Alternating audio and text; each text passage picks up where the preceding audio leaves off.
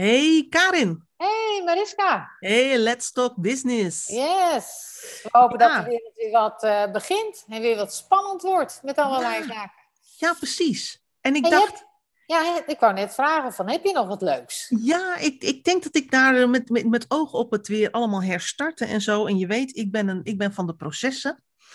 Dacht ik, laten we het nou eens hebben over processen. Oh ja, En dan met name over processen die niet zo lekker lopen. Altijd interessant. En dan met name tussen de organisatie en de klant. Ja, Dat vind ik, eh, dat hebben we namelijk de meeste ervaring mee. Roep Ja. maar, daar heeft iedereen ervaring mee. Ja. En, en, eh, en, en volgens mij hebben we ook allemaal wel een beetje soortgelijke ervaringen. ja dat Dat- denk ik ook wel. Weet Dus je wat het is? Als je er bedrijfskundig naar kunt kijken, dan word je ook niet meer zo woedend, tenminste ik in ieder geval. Maar dan, eh, daar kun je er ook de humor van in zien. En misschien ook nog kijken van, god, wat gaat die bedrijfskundig nou allemaal mis? Nou, ik zou zeggen, beschrijf eens een voorbeeld dan. Nou, ik heb onlangs, eh, moest ik in het ziekenhuis zijn.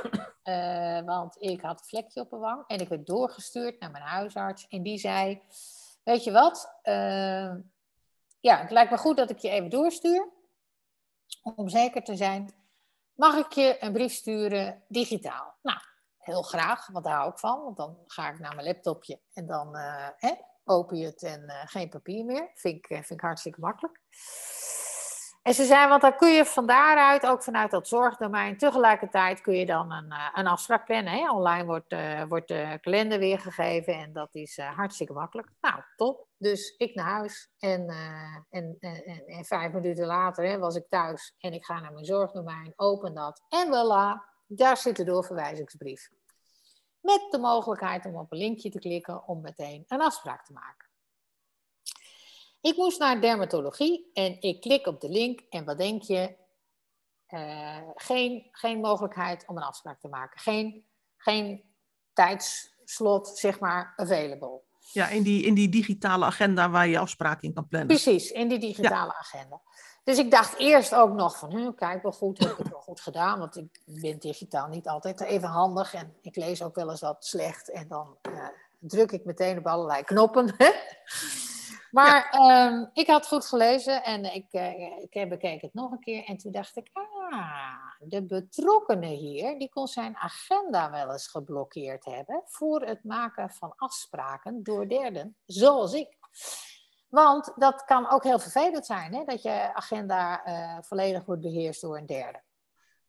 Dus ik denk zekerheidshalve kijk ik nog even verder. Hè? Dus eh, dit was eh, nou, voor de zomervakantie nog. Maar ik heb in oktober gekeken en ik heb in 2022 gekeken. Nou, geen mogelijkheid. Die dermatoloog, die zat tot 2030 hartstikke stampvol. Maar niet heus. Maar niet heus, want de agenda is natuurlijk geblokkeerd. Maar geen nood, want er stond ook een telefoonnummer bij, dus ik kon ook bellen. Dus ik gebeld met het afsprakenbureau. Oké, nou, ik uitgelegd, ik wil graag een afspraak maken met eh, dermatologie. Nou, wat is uw naam, mevrouw? Wat is uw geboortedatum? Waar woont u? Wat is uw e-mailadres? Wat is uw telefoonnummer?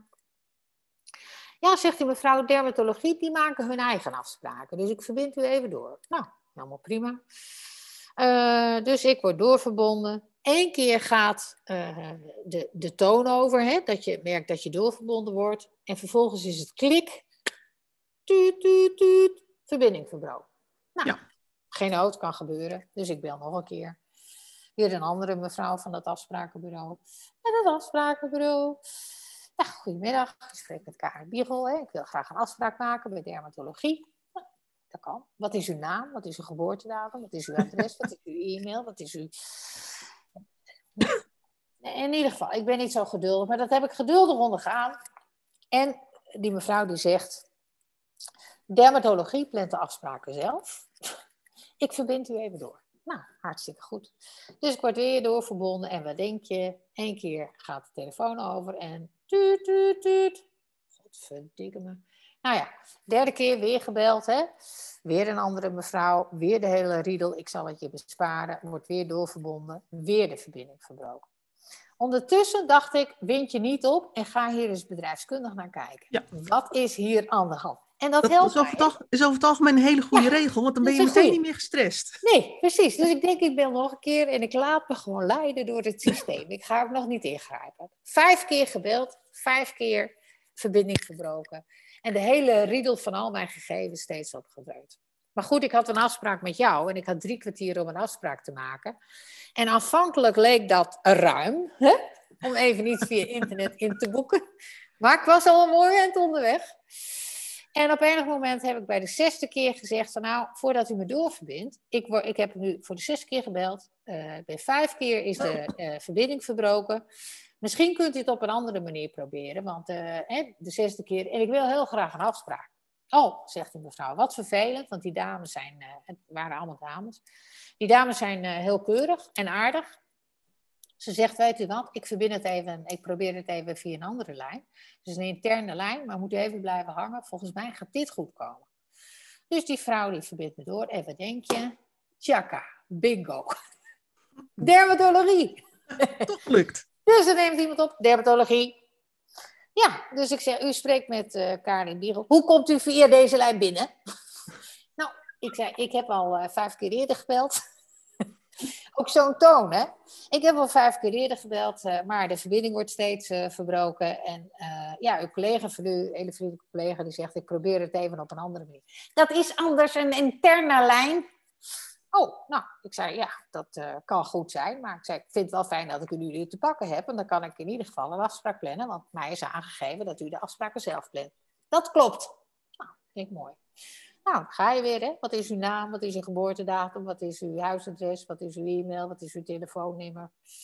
Eh, Je BSN, je schoenmaat, je... Hou maar op. Dus klaar, er wordt een afspraak ingepland en eh, nou, uiteindelijk is het geregeld. Maar vervolgens ga je toch nadenken over, en dat was ik gedurende het proces, hè, want ik ben drie, drie kwartier bezig geweest, nadenken over wat gaat hier nou allemaal mis? Nou, en dan moet ik toch een aantal dingen constateren die hier misgaan. De- Deel die inzichten eens met ons. Nou, bijvoorbeeld, iedereen doet zijn kleine processtukje eigenlijk best wel goed. Eh, maar er is geen toezicht op het geheel. Hè, dus de hele keten van opvolgende stappen en de sturing daarop en de bijsturing daarop, als er een onderkenning is van ja, dat gaat niet goed, eh, die vindt niet plaats. En dat is volgens mij een kwestie van leiderschap. Of het is een kwestie van, we hebben het in silo's ingericht, hè? die afsprakenbureaus hier belangrijk voor. En die doen dat goed, want die nemen binnen zoveel seconden de telefoon op en ze verbinden je ook door. Dat gaat goed. Alleen ik, ik bereik mijn doel niet, want ik kom niet aan daar waar ik aan wil komen. Nee. Tweede is dat ik ook constateer dat er kennelijk eh, er een afspraak is binnen dit ziekenhuis dat eh, eh, alle afspraken via het afsprakenbureau lopen en dat, dat, en dat afspraken ook online kunnen worden gemaakt om het afsprakenbureau te ontlasten. Maar dat daarvoor wel noodzakelijk is dat al die specialismen hun agenda openstellen voor het maken van afspraken. Ja, en dat doet dermatologie dus niet, hè? En kennelijk komen ze daar ook mee weg, Ja, want precies. niemand was daarmee bekend. Nee, kijk, nou ja, waarschijnlijk op- op het afsprakenbureau wisten ze dat waarschijnlijk wel. Want eh, ze zullen wel vragen, vaker mensen krijgen die bellen, omdat ze bij dermatologie een afspraak moeten hebben. Nou, wat mij wel duidelijk was, is dat dermatologie kennelijk een status aparte heeft door het aangeven door van die verschillende mevrouwen die zeggen van dermatologie plant haar afspraken zelf. Met andere woorden, de rest niet, maar dermatologie wel. Ja, daar ben, ik dan, daar ben ik dan toch wel nieuwsgierig naar. En ik weet dat je gaat niet voor je lol eh, al die specialismen afbellen. Maar ik denk dat behalve dermatologie, zo, zo even mijn voorspelling, er ook nog wel andere specialismen zijn die hun agenda's niet openstellen en dus zelf de afspraken plannen. Ja, dat denk ik ook hoor. Want ik denk niet dat dermatologie de enige specialisme is die dat doet. Want als de cultuur in zo'n organisatie toelaat dat ik als, als vakgroep feitelijk kan zeggen: dit is beleid van de organisatie. Ja, voor jullie allemaal, maar niet Ja. voor mij. Nee, precies. Dan zijn er vast wel meer mensen die dat, eh, op vakgroepen die dat zo bedenken. Ja, ik zou me dat best voor kunnen stellen. Kijk, en het bijzondere is dat je eh, voor de klant natuurlijk een hogere uh, klanttevredenheid wil, of een patiënttevredenheid, of hoe ze dat dan ook maar, uh, maar noemen. In ieder geval het toegankelijk maken van dit proces van zorg op een gestandaardiseerde manier verwerken, zodat je ook een, een voorspelbaar resultaat krijgt hè, van de afspraak binnen no time gerealiseerd. Nou is, het, nou is het de gedachte en het overal proces is wel zo ingewerkt, maar doordat er geen sturing zit op die individuele onderdelen en geen bijsturing zit op die individuele onderdelen, oogst je natuurlijk patiënten die bijna ten einde raad zijn. Die denken, hoe krijg ik ooit in godsnaam een afspraak hiermee? Want online wil het niet. En dat afsprakenbureau even verbindt me maar door. Maar, uh, dat werkt ook niet. Dat werkt ook niet. Hè? Dus hoe krijg ik hier in godsnaam een afspraak? En ik kan me best voorstellen dat als je niet zo bedreven bent in de bedrijfskunde, of niet zo uh, verbaal onderlegd, of misschien wat ouder, of wat. wat, wat hè? Dat je daar moeite of wat verlegener, ja, confrontatiemijdend. Bijvoorbeeld dat je daar moeite mee hebt. Ja. Ik, ik, dit verhaal doet mij heel erg denken aan uh, wat ik mijn dochter altijd hoor vertellen over, uh, over haar communicatie met de helpdesk van de Ziggo. Mijn dochter ging op kamers, ja. Maastricht. En uh, vanaf het moment dat ze daar zat, ja, je, je studeert, dus je hebt goede wifi nodig, zal ik maar zeggen. Ja. en en de bouw van het pand liet niet toe dat zeg maar, de wifi vanaf de begaande grond naar de tweede etage, of naar de eerste etage moet ik eigenlijk zeggen, zeg maar, vlekkeloos verliep. Oh. Ik, ik, ik beschrijf het zeg maar op, in nette woorden. Ja. Met andere woorden, ze was niet altijd in staat om haar studiematerialen te, zeg maar, te vinden via haar laptop als ze thuis in de bank zat. Oké. Nou, wat doe je in dat geval? Je belt de helpdesk van de Ziggo. Zo is het. En het zal bij andere internetproviders niet erger zijn hoor. Ik, ik ga meteen, uh, zeg maar, uh, om, om, om alle claims van, van Ziggo te, te omzeilen dit is een voorbeeld van hoe klantenservices werken. Hè? Ik bedoel, dit gaat niet specifiek over deze organisatie. Nee. Maar wat, wat daar gebeurt, is dat, is dat is een grote organisatie met veel klanten die bellen. En ze hebben een, landelijk, uh, uh, een landelijke telefonische helpdesk. Ja. Dus daar bellen mensen uit het hele land naartoe. Dus je komt in eerste instantie gewoon in een gezellig in een wachtrij te staan. Nou, zoveel wachten voor je, krijg je een enorm verschrikkelijk irritant telefoontje. Ja. Want normaal zou je zeggen, weet je, je, zet, je staat ik heb het ook wel eens als ik uh, de huisarts moet bellen. Dan, uh, uh, dan bel ik en dan weet ik dat ik in een wachtrij terechtkom. Dus ik zit toch achter mijn computer, dus ik leg mijn telefoon neer, zet de telefoon op de luidspreker en ik werk net zo lang door totdat er iemand opneemt. Ja. Maar als er nou zo'n ellendig telefoontje achter zit, ja, dan leidt dat enorm af bij je werk, zal maar zeggen. Ja. ja. Nou, en, ik weet niet hoe het jou vergaat, maar ik heb wel eens bij organisaties gewoon kwartier, twintig minuten in de wachtrij gestaan. Ja, ik ook hoor. Nou, gewoon voor je uitstaren omdat, omdat je in de wachtrij staat en in de tussentijd je telefoon eh, zeg maar, zoveel herrie produceert. Wat door de telefoon ook nog altijd slecht klinkt. Ja. denk van, daar moet toch iets op te vinden zijn? Nou, afijn. Um, uh, je komt bij zo'n uh, landelijke helpdesk binnen. En dan moet je meteen ook je doopzee lichten. Hè? Je, je, je postcode, je contractvorm, uh, je naam, je, je BSN, je, je schoenmaat. Ze ja. willen alles van je weten. Ja. Ik denk dan, dat wordt volgens mij allemaal vastgelegd in bestanden. Ja. En dan is, dan is, mijn dochter kan het altijd heel mooi uh, beeldend vertellen. Hè? Dan, dan zegt ze, mijn wifi werkt niet. Oh mevrouw, doet de wifi het niet? Nou, dat is heel vervelend voor u. Uh, dan moet u even naar het modem gaan en dan moet u even het modem resetten. Nou, moet je voorstellen dat mijn dochter uh, weken heeft gehad waarbij ze elke dag twee, drie keer naar die helpdesk belde. Ja. En, die, en ze kon zij kan dus echt ook het script van die helpdesk volledig uitschrijven. Alle verschillende stappen die ze doormaakt. Dus dan is het een tijdje rustig geweest en dan belt ze en dan is de wifi weer kloten, uh, sorry, uh, slecht. En dan belt ze de helpdesk en dan heeft ze iemand aan de telefoon. Oh mevrouw, wat vervelend. Dan moet u even, nee, stop, zegt ze dan. Nee, stop. Je moet eventjes naar vraag 15 gaan. Ja, daar ben ik de vorige keer ongeveer gebleven. De andere stappen heb ik allemaal gedaan. Ze zou dus in principe het gesprek met haarzelf kunnen voeren. Ja, dat doet ze dan ook. En, ja. en het mooie is, dan heeft ze dus eindelijk, want die, wat, in principe wat die helpdesk moet doen, is eigenlijk het zelfdiagnostisch vermogen van klanten om dat te activeren. Ja. En ook eigenlijk dat ze niet alleen zelf diagnosticeren wat er aan de hand is, maar ook het probleem kunnen oplossen. Want dat scheelt heel veel werk, want anders moeten ze een monteur sturen. Nou, dan uh, uiteindelijk uh, is mijn dochter dan zover. Dan heeft ze een monteur over de vloer. En die staat daar en die zegt, ja, ja, oude sut wat hier staat. Uh, ja, er moeten eigenlijk nieuwe spullen komen. Weet je, die ga ik even voor u bestellen. Nou, dan komen er, worden nieuwe spullen besteld. En in de tussentijd moet er weer gebeld worden. En dan moet er een afspraak gemaakt worden. Nou, dan komt er een andere monteur en die zegt, ja, ja, ja, oude sut. Ja, ja, ik heb niet de goede spullen. Nou, dat gaat dan drie keer zo door. En dan staat er iemand met de goede spullen. En een maandje later doet de wifi het niet.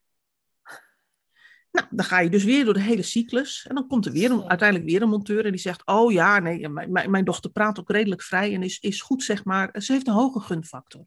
Mhm.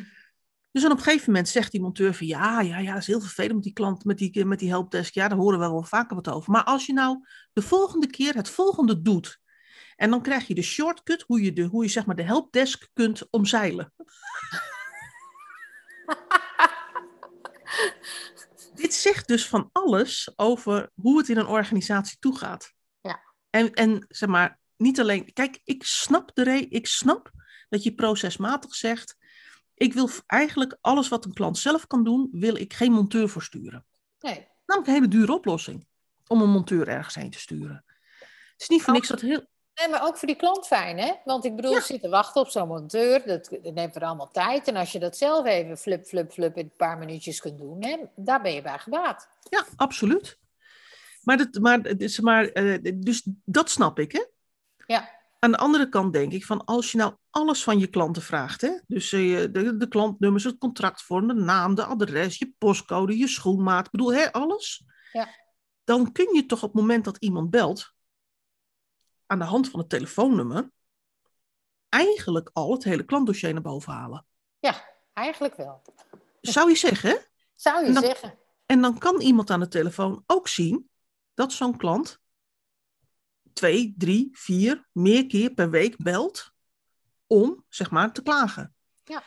Het afsprakenbureau had, als ze hun werk goed hadden geregeld, als ze goed ondersteund waren door techniek, had kunnen zien dat jij al vier of vijf keer had gebeld.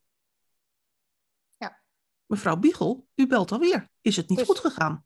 Precies. Dan had je een heel ander soort gesprek gehad. En ook een heel ander soort klantbeleving. Ja, exact. Maar dat, daar wordt dus niet op ingegaan. Dus het, het systeem en het proces zit niet op uh, verbeteren van het proces. Hè? Dus het proces zeg maar lerend maken, waardoor uh, je continu verbeteringen kunt doorvoeren op het proces. Maar zit heel erg op het doorlopen van, van, van dat processtukje, wat hoort bij het afsprakenbureau, wat hoort bij een andere af, afdeling en wat hoort bij uh, dermatologie in mijn voorbeeld. Volgens mij gaan die, zijn die processen heel erg ingestoken vanuit het bereiken van efficiëntievoordelen. Ja, dat denk ik ook. En dat zijn dus interne maatstaven, terwijl het ja. gaat over dialoog en contact met je klant. Ja, exact. En, en dat zegt mij ook heel veel over hoe je als organisatie, waar je dus het meest op stuurt. Ja. Want als je stuurt op, op optimale contacten met je klant, ja, dan, uh, dan wil je dus ook je klantcontact en dus ook je helpdesk of je afsprakenbureau of je responsadres als het gaat over, over de website, wil je op een andere manier uh, behandelen en benaderen als via een vergaand gestandardiseerd uh, systeem wat draait op efficiëntie. Ja, dit, dit brengt mij weer op, uh, op onze gezamenlijke stelling dat patiënten in een ziekenhuis onderhanden werk zijn, of voorraad, die we ja. erdoor moeten hebben. Hè? Die we erdoor moeten hebben. Dus met name intern. En dat gaat helemaal niet over patiënttevredenheid of klanttevredenheid. Daar nee. zit de focus niet op. Dat zeggen ze wel, maar de focus zit er niet op. Nee, en het rare is dat als je met mensen in ziekenhuizen praat, zeggen ze altijd, ja, de klant staat bij ons centraal. Ja, en dat noemen ze het. Ja, de patiënt. Ik vertaal het meteen naar klant. Maar de patiënt staat bij ons centraal. En ik voer altijd, ik, ik geef, geef, altijd als tegenantwoord: nee, dus de patiënt staat niet centraal. Je hebt een patiënt nodig om jullie proces te kunnen doen. Ja, en ze hebben, ze hebben dermate uh, dure productiemiddelen in een, uh, in een uh, ziekenhuis. Hè? Dus artsen en OK's. En, nou, maar ook de monteur nog... van de ziekenhuis, hè? Maar ook de monteur van de ziekenhuis, precies dat het belangrijk is dat die aan het werk blijven. Ja. En daar heb je patiënten voor nodig. Ja.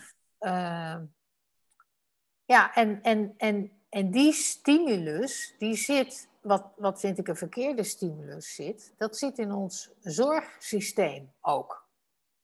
Zou het nou ook anders kunnen? Ja, het kan anders. Patiënt als klant? Ja, de, de, de, de, dus echt de patiënt centraal zetten. Ja. Ja, ik, ik kan me voorstellen, en, en, ik zeg niet dat je daar een, uh, um, een, een rendabel businessmodel mee kunt creëren, hè, maar op die manier, want ik, ik probeer dan zeg maar het huidige zorgsysteem om te bouwen naar iets wat echt klantgericht is. Ja.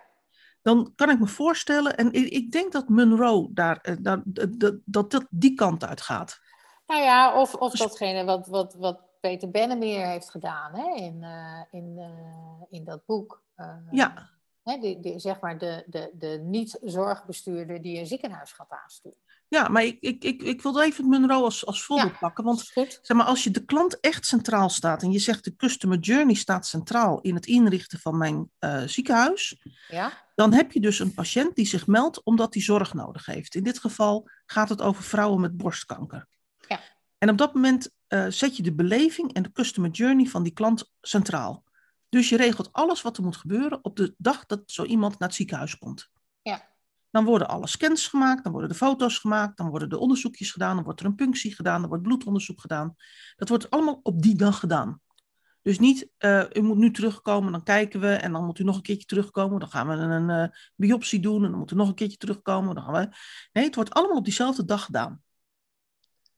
En dan Ja. ook binnen een bepaalde tijd, binnen, er staat een standaard tijd voor. Ik, ik, ik ken het proces niet zodanig dat ik dat zeg maar echt uit het hoofd ken. Maar binnen zoveel tijd, binnen een bepaalde tijd, garanderen ze ook dat je uitslag hebt. Ja. En dat er dus een vervolg en een behandelplan ligt. Ja. Ik kan me namelijk een ideale zorgorganisatie die zeg maar, de klant echt centraal staat. Die is op het moment dat jij je meldt, eh, gaat in principe het proces van jou uit. Ja. Dus niet jij moet wachten op de, op de eh, specialist, maar de specialist staat in de deuropening van zijn be- behandelkamer op het moment dat je aankomt lopen. Precies. En daar zit het verschil in. Ja. In een echt klantgedreven organisatie, dus echt die een customer journey centraal staat, dan is het proces van de klant, gaat, het ze gaat erom om, die zo, om dat zo goed mogelijk vorm te geven. En dus ook met zo min mogelijk wachttijden. Ja. Terwijl als je zoals nu de eh, capaciteit centraal stelt, in dit geval van dure specialisten, ja, dan wil je eigenlijk dat die specialist maximaal benut wordt. Ja. Nou ja, dan moet je zorgen dat de voorraad onderhanden werk is. Ja, en, en, Een en wachtkamer juist voor patiënten. een wachtkamer voor patiënten. En het is juist dit systeem wat wij hanteren in Nederland, die maakt dat wij eh, wachtlijsten hebben in de zorg. Eh, Ja, ja, en ik, ik, ik- we hebben natuurlijk nu met corona heel veel wachtlijsten. We hebben natuurlijk ook een tijdje weinig wachtlijsten gehad. Maar het heeft er ook mee te maken dat, laat ik maar zo zeggen, als je naar het ziekenhuis moet of je moet naar een arts, dan weet je gewoon, je hebt om drie uur een afspraak. Dan ben je er om kwart voor drie. En Ja. waarschijnlijk ben je pas om kwart voor vier dat je toegelaten wordt tot de spreekkamer. Ja. Dus het, zit nog niet eens in wachtlijst. Het zit in wachtlijst. Het zit voornamelijk ook in wachttijden. Ja, eh, dat is ook wat ik bedoel. Overigens is het zo dat eh, de wachtlijsten door corona, zeg maar de alternatieve zorg, hè, die, die zeg maar op een laag pitje is gesteld door al die coronazorg, dat daar wel zorgen over zijn, omdat die zich niet herstelt. Terwijl eh, de gedachte zou zijn hè, dat er eh, zoveel inhaalzorg gepleegd moet worden, dat er ja, wachtlijsten zijn eh, hè, en, en, en, en de ziekenhuis het werk niet aan kan, maar, maar, maar niks is mee te waar. Maar dat is misschien een mooi onderwerp voor de volgende, volgende keer. Ja. We hebben het nu over, eh, over processen. En ik weet je waar- waarom ik processen ook zo leuk vind, want dan, dan pak ik hem even daar weer op. Eh, waarom ik processen zo leuk vind, omdat processen uiteindelijk de uitkomst zijn van alle keuzes die een organisatie maakt. Absoluut waar. En zowel in de bovenstroom als in de onderstroom van de organisatie. Ja, maar Ja, je- misschien, moet, misschien moet je dat nog even toelichten.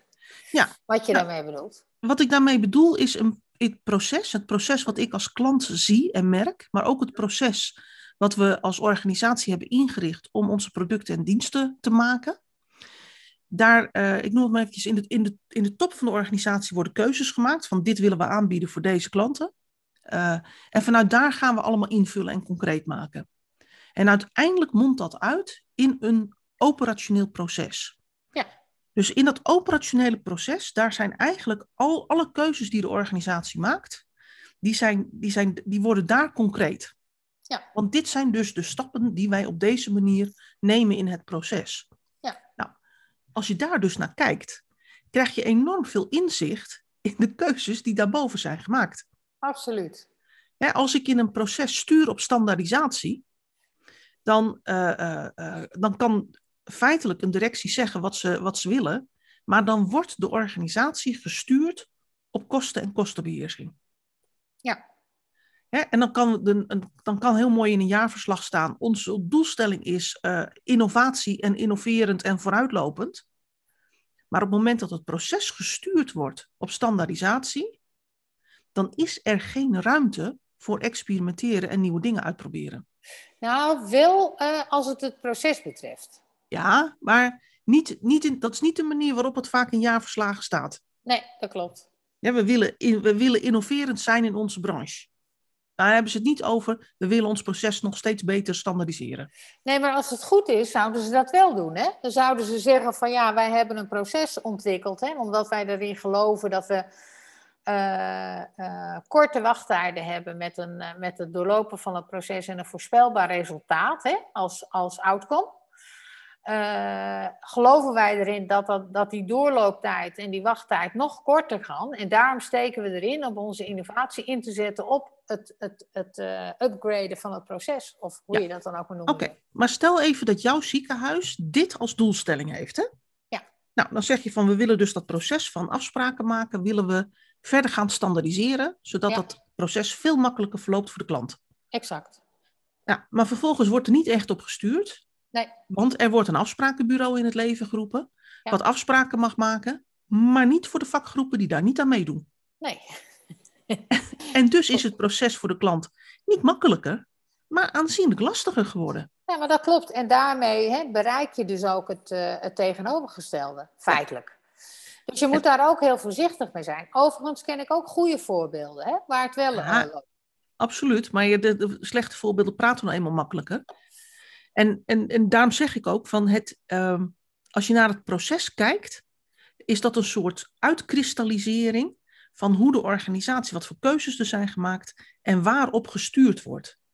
Maar ook waar zit macht? Bijvoorbeeld macht om je niet aan die keuzes en afspraken te houden. Ja. En daarom vind ik processen zo verschrikkelijk leuk. Ja, omdat het jou inzicht geeft in de verdere organisatie. Ja, omdat het mij heel, veel geeft- andere, in heel veel andere bedrijfskundige aspecten die, die eh, erg van belang zijn bij eh, het reilen en zeilen van een organisatie. Ja, het geeft je sleutels in waar je nog meer zou moeten kijken als je een goed beeld van een organisatie wil krijgen. Ik denk, ja, ik denk dat dat wel mooi is. Wat je nu zegt. En dat is ook zo. Ik roep met, name ook, met name ook de doorvertaling en het wel of niet goed eh, functioneren van dit soort processen geeft inzicht dat er niet echte keuzes worden gemaakt. Hè? Ja. En dat vind ik een, eh, ja, een belangrijk eh, gegeven. Want hoe vaak komen dit soort voorbeelden nou wel niet voor? Kijk, toen jij noemde dat voorbeeld van Floor met de Ziggo, toen dacht ik al eh, van, oh mijn god, oh mijn god.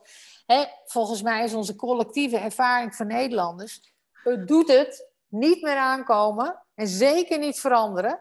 Hè, want stel je voor dat het het niet doet. Ja, dan is het bijna Rusland om het te veranderen, bij wijze van spreken. Ja. En nou, nou, nou hebben we het even over de wifi en, de, en eh, al hetgeen wat met eh, televisie en bekabeling te maken heeft. Maar zo ken ik er nog wel een paar hoor. Ja, ja, nee, maar daarom is het is ook maar alleen maar een voorbeeld, hè? Ja, precies. Want we hebben allemaal zo onze, onze, onze ervaringen met, eh, met grote organisaties. Ja. Proberen na, in het buitenland zittend eh, na, bij een gecancelde vlucht terug naar huis maar de KLM'ers te bereiken voor het omboeken van je ticket. Ja, Hè? Om maar eens wat Ja. te zeggen. ja precies. Of probeer geld maar eens terug te krijgen op het moment dat er een, eh, een pandemie eh, eh, losdaalt en iedereen zegt dat je recht hebt om je geld terug te krijgen, maar de KLM gewoon niet opneemt. Of, of probeer eens een financiering voor je bootje te krijgen. Daar, daar heb ik geen ervaring mee. Nee, die heb ik met eigen geld betaald. Maar het is wel zo, hè, dat, er was ook een mooi eh, artikel over, dat de banken steeds meer uh, witwastransacties melden. Ja, dan denk ik, mijn ervaring met mijn bootje, nogal wie dus, als je dat ook als een witwastransactie uh, telt. Ze melden gewoon alles, ook wat niet witwastransactie is. Ja, maar ja, dan voldoe je in ieder geval aan je plicht en dan kun je niet door het OM aan de, aan de schandpaal genageld worden. Precies. En ook dit zijn, dus, dit zijn dus ook dingen die je terugziet in procesvoering. En je dus ook signalen geeft van, joh, hoe wordt hier nou mee omgegaan? Ja. Nemen we witwassen en het, en het tegengaan van witwassen nou serieus? Of zeggen we gewoon van, nee, moet luisteren, we moeten melden, dus we doen alles, alles wat boven een bepaald bedrag is, melden we gewoon. Ja, want dan hebben we aan uh, onze kwantitatieve doelstelling voldaan. Ja, en, en dan doe je dus feitelijk aan, aan uh, toezicht houden, en je gedelegeerde toezichttaak, doe je dus echt helemaal niks. Nee, dit is gewoon window dressen. En, dat, en zo zie je maar eh, dat organisaties gedrag van, gaan vertonen op datgene waarop ze gestuurd worden. Ja, en, en uiteindelijk, en dat kom ik weer terug, maar uiteindelijk mondt dat allemaal uit in het proces. Exact. Nou, Volgens mij hebben we daarmee een mooie start gemaakt voor, voor, het, voor het najaar. Want ik denk dat de, de oproep eigenlijk is: kijk nou eens naar het proces van je organisatie door de ogen van je klant. Exact. Wat zie je dan? Wat ervaar je dan? En is dat nou ook datgene wat je als organisatie graag wil uitstralen? Exact. Want daar gaat het uiteindelijk om. Ja. Nou, en anders heb je genoeg voer voor de komende ronde van jaarplannen, strategie, updates en budgetten. Om, om, om dit stukje is een keertje goed aan de vork te prikken komend jaar. Ja, absoluut. Nou. We gaan ons klaarmaken voor een mooi najaar. Ja, zo is het. Waarin uh, hopelijk weer leuke anekdotes te vertellen zijn. Maar dat oh, zal ongetwijfeld. Vast wel. Gebeurt altijd genoeg in Nederland om altijd voorbeelden voor de hand te hebben. Zo is het. hey, wij spreken elkaar. Tot de volgende keer. Doei doei.